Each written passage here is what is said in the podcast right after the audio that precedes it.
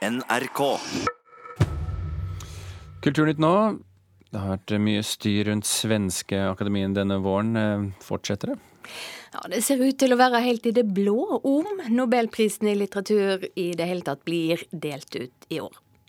Men eh, aller først i Kulturnytt skal det handle om multikunstneren Morten Tråvik, som vil spille krigsspill utenfor Utenriksdepartementet 1. mai. Spillet er en form for blindsjakk, der brikkene er gamle grensestolper fra den norsk-russiske grensa i Sør-Varanger. Den spionmistenkte nordmannen Frode Berg var sentral da kunstneren fikk overta stolpene i Kirkenes. Det er en type sjakk der eh, man ikke ser motstanderens trekk, kun sine egne sier kunstneren Morten Tråvik. Han legger ikke skjul på at Frode Berg er en venn av ham, men mener at han er en del av et større spill. Jeg tror at Frode er en bonde i denne blindsjakken, som uh, har vært betraktet som uh, et, et offer man relativt lett kan gjøre. Og jeg synes all eh, håndtering, eller kanskje snarere ikke-håndtering av norske myndigheter av denne saken så langt, tyder på nettopp det. At uh, nå får Frode klare seg sjøl som best han kan, med minimalt med innsats fra norske myndigheter. Og det går stikk i strid med en, en, en hederlig 'no man left behind'-holdning, som jeg mener at man bør utvise overfor uh, folk som har tjent sitt land, med rette eller urette, eh, men som har gjort et oppdrag på, på oppfordring fra i hvert fall en del av, av norsk, den norske staten, nemlig E-tjenesten. På 1. mai åpner altså kunstprosjektet som heter Krigsspill på 7. juni-plassen foran Utenriksdepartementet i Oslo, til akkompagnement fra Kampen Janitsjar og artisten Moddi. Og dette er hva kunstneren ønsker å oppnå. Ettertanke og eh, forhåpentligvis også en, en, innrømmelse fra den norske stat om, om, at, om, om hva dette jo faktisk helt åpenbart dreier seg om. Mye tyder på at han ikke får noen innrømmelse. Pressetalskvinne Guri Solberg i Utenriksdepartementet sier om kunstprosjektet at Oslo kommune har gitt Morten Tråvik tillatelse til å sette det opp på 7. juni-plassen, og at det ikke er naturlig at UD kommenterer dette. Men kunstverket kan gi rom for ettertanke. Det stadig kjøligere forholdet mellom Norge og Russland er en av konsekvensene av Frode Berg-saken, mener Tråvik. Som, som Komsomalskaja Pravda skrev eh, nå for bare noen dager siden, når en norsk bestefar kan vise seg å være spion, da kan hvem som helst eh, være det. Så det fyrer jo veldig oppunder de kreftene i Russland, og for så vidt også i Norge, som mener de har noe å tjene på at dialogen skal være dårlig. Og det fører jo til en mistenkeliggjøring av alle oss som, eh, som er involvert i ulike former for eh, folk-til-folk-kontakt med Russland og, og eh, ja, med andre typer samfunn av samme type som Russland. For kald krigsproblematikk har interessert Morten Tråvik i mange år. I dag er han i Dresden i Tyskland. Jeg skal tre en sju meter lang oppblåsbar kondom på, atom, på en atomrakett fra den kalde krigen. Det skal jeg gjøre på Tysklands svar på Forsvarsmuseet, Bundeswehrmuseum, der det åpner en stor utstilling om krig og uh, kunst. Det ble bråk da han gjorde det samme, både i Oslo og utenfor Norsk luftfartsmuseum i Bodø. Det er jo litt spesiell kunst, da. ja. Men uh, det er jo god stemning og Det er jo en beskyttelse. Det er jo det det er. og litt provoserende, kanskje. Ja. Skape litt debatt. Provosere litt. Reporter her Tone Staude. Kjem nobelprisen i litteratur til å bli delt ut i år, eller gjør kaoset i Svenska Akademien at det må bli en prispause? Det hersker det nå full forvirring om. Reporter Thomas Alvarstein Ove, ryktene går i begge retninger. Hvordan kan det ha seg? Jo, I går ettermiddag så kunne Kulturnytt i Sveriges Radio fortelle at det pågår en diskusjon i Svenske Akademien om hvorvidt prisen skal deles ut eller ikke til høsten. Anders Olsen, som for tiden leder Akademiet, sier de holder på med det spørsmålet akkurat nå, og kommer tilbake til saken. Men en anonym kilde er mer konkret og forteller at en idé de jobber med, er å hoppe over prisen i år og heller dele ut pris, to priser neste år. På den måten så kan Akademiet vise at de har stått i saker som krever stor stor ettertanke og selvransakelse.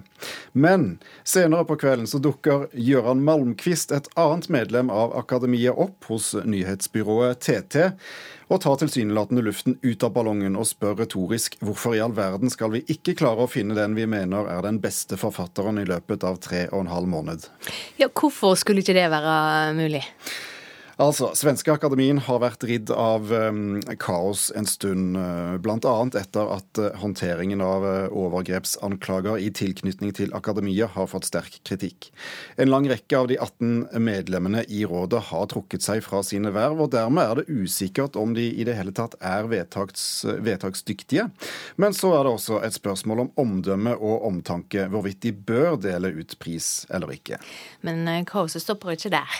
Nei da. En tredje person meldte seg på spekulasjonene i går kveld. Eh, nemlig leder av Nobelstiftelsen, Carl Henrik Heldin. Stiftelsen forvalter arven og alle prisene etter Alfred Nobel, og Heldin bekreftet igjen da til Sveriges Televisjon etter utsagnet til Malmquist at diskusjonen om pris eller ikke faktisk pågår. Hvor spesielt vil det være om litteraturprisen ikke blir delt ut i år? Det har hendt noen år tidligere at prisen ikke har blitt delt ut, men da har det handlet om at eh, akademiet ikke har funnet gode nok kandidater. Det spesielle nå er jo at eh, det handler om akademiets verdighet. Er de skikket til å gi prisen eller ikke? Takk skal du ha, reporter Thomas Alverstein Ove. Filmen Avengers Infinity War har verdenspremiere i dag.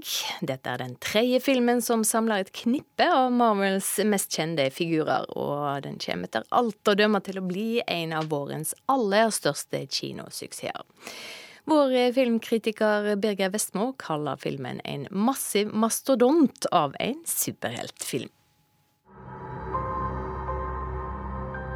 The entire time I knew him. He only ever had one goal to wipe out half the universe. Avengers Infinity War er en massiv mastodont av en superheltfilm, kanskje den største i skala til nå. Regissørene Joe og Anthony Russo har tenkt stort under mottoet Mer av alt. Flere figurer, flere historielinjer, flere actionscener. Av og til står denne ekstravagante overdådigheten i fare for å få hele prosjektet til å knele under sin egen vekt, men Russo-brødrene greier å skape en interessant utvikling i Avengers Infinity War, der man føler at noe faktisk står på spill. Thanos. Sjøl om Avengers egentlig er oppløst, må Thor, Iron Man, Hulk, Captain America og de andre, men ikke alle, samle seg til kamp på flere fronter for å forhindre at skurken Thanos lykkes med sine skumle planer for universet. De får assistanse av både Black Panther, Spiderman, Doctor Strange og gjengen fra Guardians of the Galaxy. Let's talk about this plan of. I think it's good, except it sucks. So let me do the plan, and that way it might be really good. Wow. Det går ikke lang tid av Avengers Infinity War før man skjønner at filmskaperne er villige til å gjøre relativt store inngrep, som kanskje ikke alle kommer til å like. Samtidig sørger det her for at risikoen er åpenbar, og man forstår umiddelbart at ingen figurer nødvendigvis er hellige. Det her skaper en nerve som verken de andre Avengers-filmene eller heltenes enkeltstående filmer hadde like mye av. Det gjør også at historien ikke oppleves som like morsom, men plasserer seg i den mer seriøse og melankolske delen av de her superheltfilmenes emosjonelle spektrum. He has the power in space stones. That already makes him the strongest creature in the whole universe. If he gets his hands on all six stones, Tony. He could destroy life on a scale hitherto undreamt of. Russo-brødrene og deres tusen effektmakere har åpenbart nedlagt et enormt arbeid på den tekniske fronten, ofte med imponerende resultater, men noe av det drukner i visuell støy, og gir derfor ikke alltid den uttellinga filmskaperne trolig er ute etter. Christopher Marcus og Stephen McFeelys manus greier imidlertid å samle flere handlingstråder med et enormt persongalleri til en helhetlig historie som gir mening, samtidig som flere av figurene får friske utfordringer og muligheten til å utvikle seg i spennende retninger, noe som åpner for muligheter det er lov å forvente noe av. Man skulle kanskje tro at Marvels kinounivers kun var i ferd med å nå et slags metningspunkt, men Avengers Infinity War er akkurat god nok til at det her trolig ligger et godt stykke inn i framtida. I'm Peter, by the way. Doctor Strange. Oh, using your made up names, then I am Spider-Man. Terningkast fire. Det var eh, Birger Vestmo som hadde sett Avengers Infinity War. Og på nrk.no kan du lese en lengre versjon av eh, meldinga og intervju med flere av skuespillerne fra filmen. Nå om de gamle kirkene våre, for det kan bli utenlandske selskap som får ansvar for å ta vare på den eldste og mest verdifulle kirkekunsten vi har. Riksantikvaren skal snart hente inn tilbud i hele EØS-området på en rammeavtale om konservering. Mange fagfolk på feltet frykter det kan føre til at kompetansen her i landet blir svekka. Nå banker vi forsiktig på overflata for å kjenne hvor malinga er løs. NRK besøkte renessansekirken Årdal kirke i Hjelmeland for et år siden løsna helt ifra underlaget. Limfargedekoren i tak og vegger skal fikses til 400-årsjubileet neste år. Men nå kan det holde hardt, sier malerikonservator Anne Ytterdal ved Arkeologisk museum i Stavanger. Ja, Nå må vi bare vente og se hva, hva dette ender opp med, for Riksantikvaren har satt prosjektet på vent sånn som det er nå. Restaurering av denne typen kirkekunst skal nemlig ut på anbud. Hvis denne rammeavtalen går til utlandet, så vil det jo komme helt andre aktører på banen enn det vi har sett for oss. Riksantikvaren vil om kort tid legge konservering av limfargede kor i kirker og andre bygninger ut på anbud i EØS-området. Den todelte rammeavtalen til en samlet verdi av 20 millioner kroner over fire år omfatter også middelalderkunst, samt utvalgt kunst og interiør i norske middelalderkirker. Arbeid som nå altså kan havne i utlandet. Ja, Det er jo kjempeleit hvis dette skulle bli resultatet av det hele. For eh, vi er jo i veldig veldig mange sammenhenger i dag opptatt av det kortreiste. Og det å bygge opp rundt det som vi har eh, i både regionalt og lokalt, det, det, det ville være helt å gå tilbake i tid. Vi eh, som alle andre statlige offentlige organer må følge regelverket for, for offentlige anskaffelser. Derfor så legges det ut på anbud. Sier Harald Ibenholt, seksjonssjef hos Riksantikvaren. At dette skjer nå, skyldes at reglene for offentlige anskaffelser ble innskjerpet i fjor. Konkurranser er jo normalt i dag. Eh, hvis man ser på, eh, ser på bygningsrestaurering eh, og istandsetting, så det jo, har det jo vært konkurranse i alle år. Det vektlegges jo veldig stor grad kompetanse, og kompetanse på det materialet, verdifulle materialet vi har i, i kirkene i Norge. Og så legges det vekt på gjennomføringsevne, og så legges det også noe vekt på pris. Dette betyr at Riksantikvaren ikke lenger kan gjøre som før, nemlig kjøpe disse tjenestene direkte fra Norsk institutt for kulturminneforskning, NIKU i Oslo, som i sin tur har samarbeidet bl.a. med museet i Stavanger.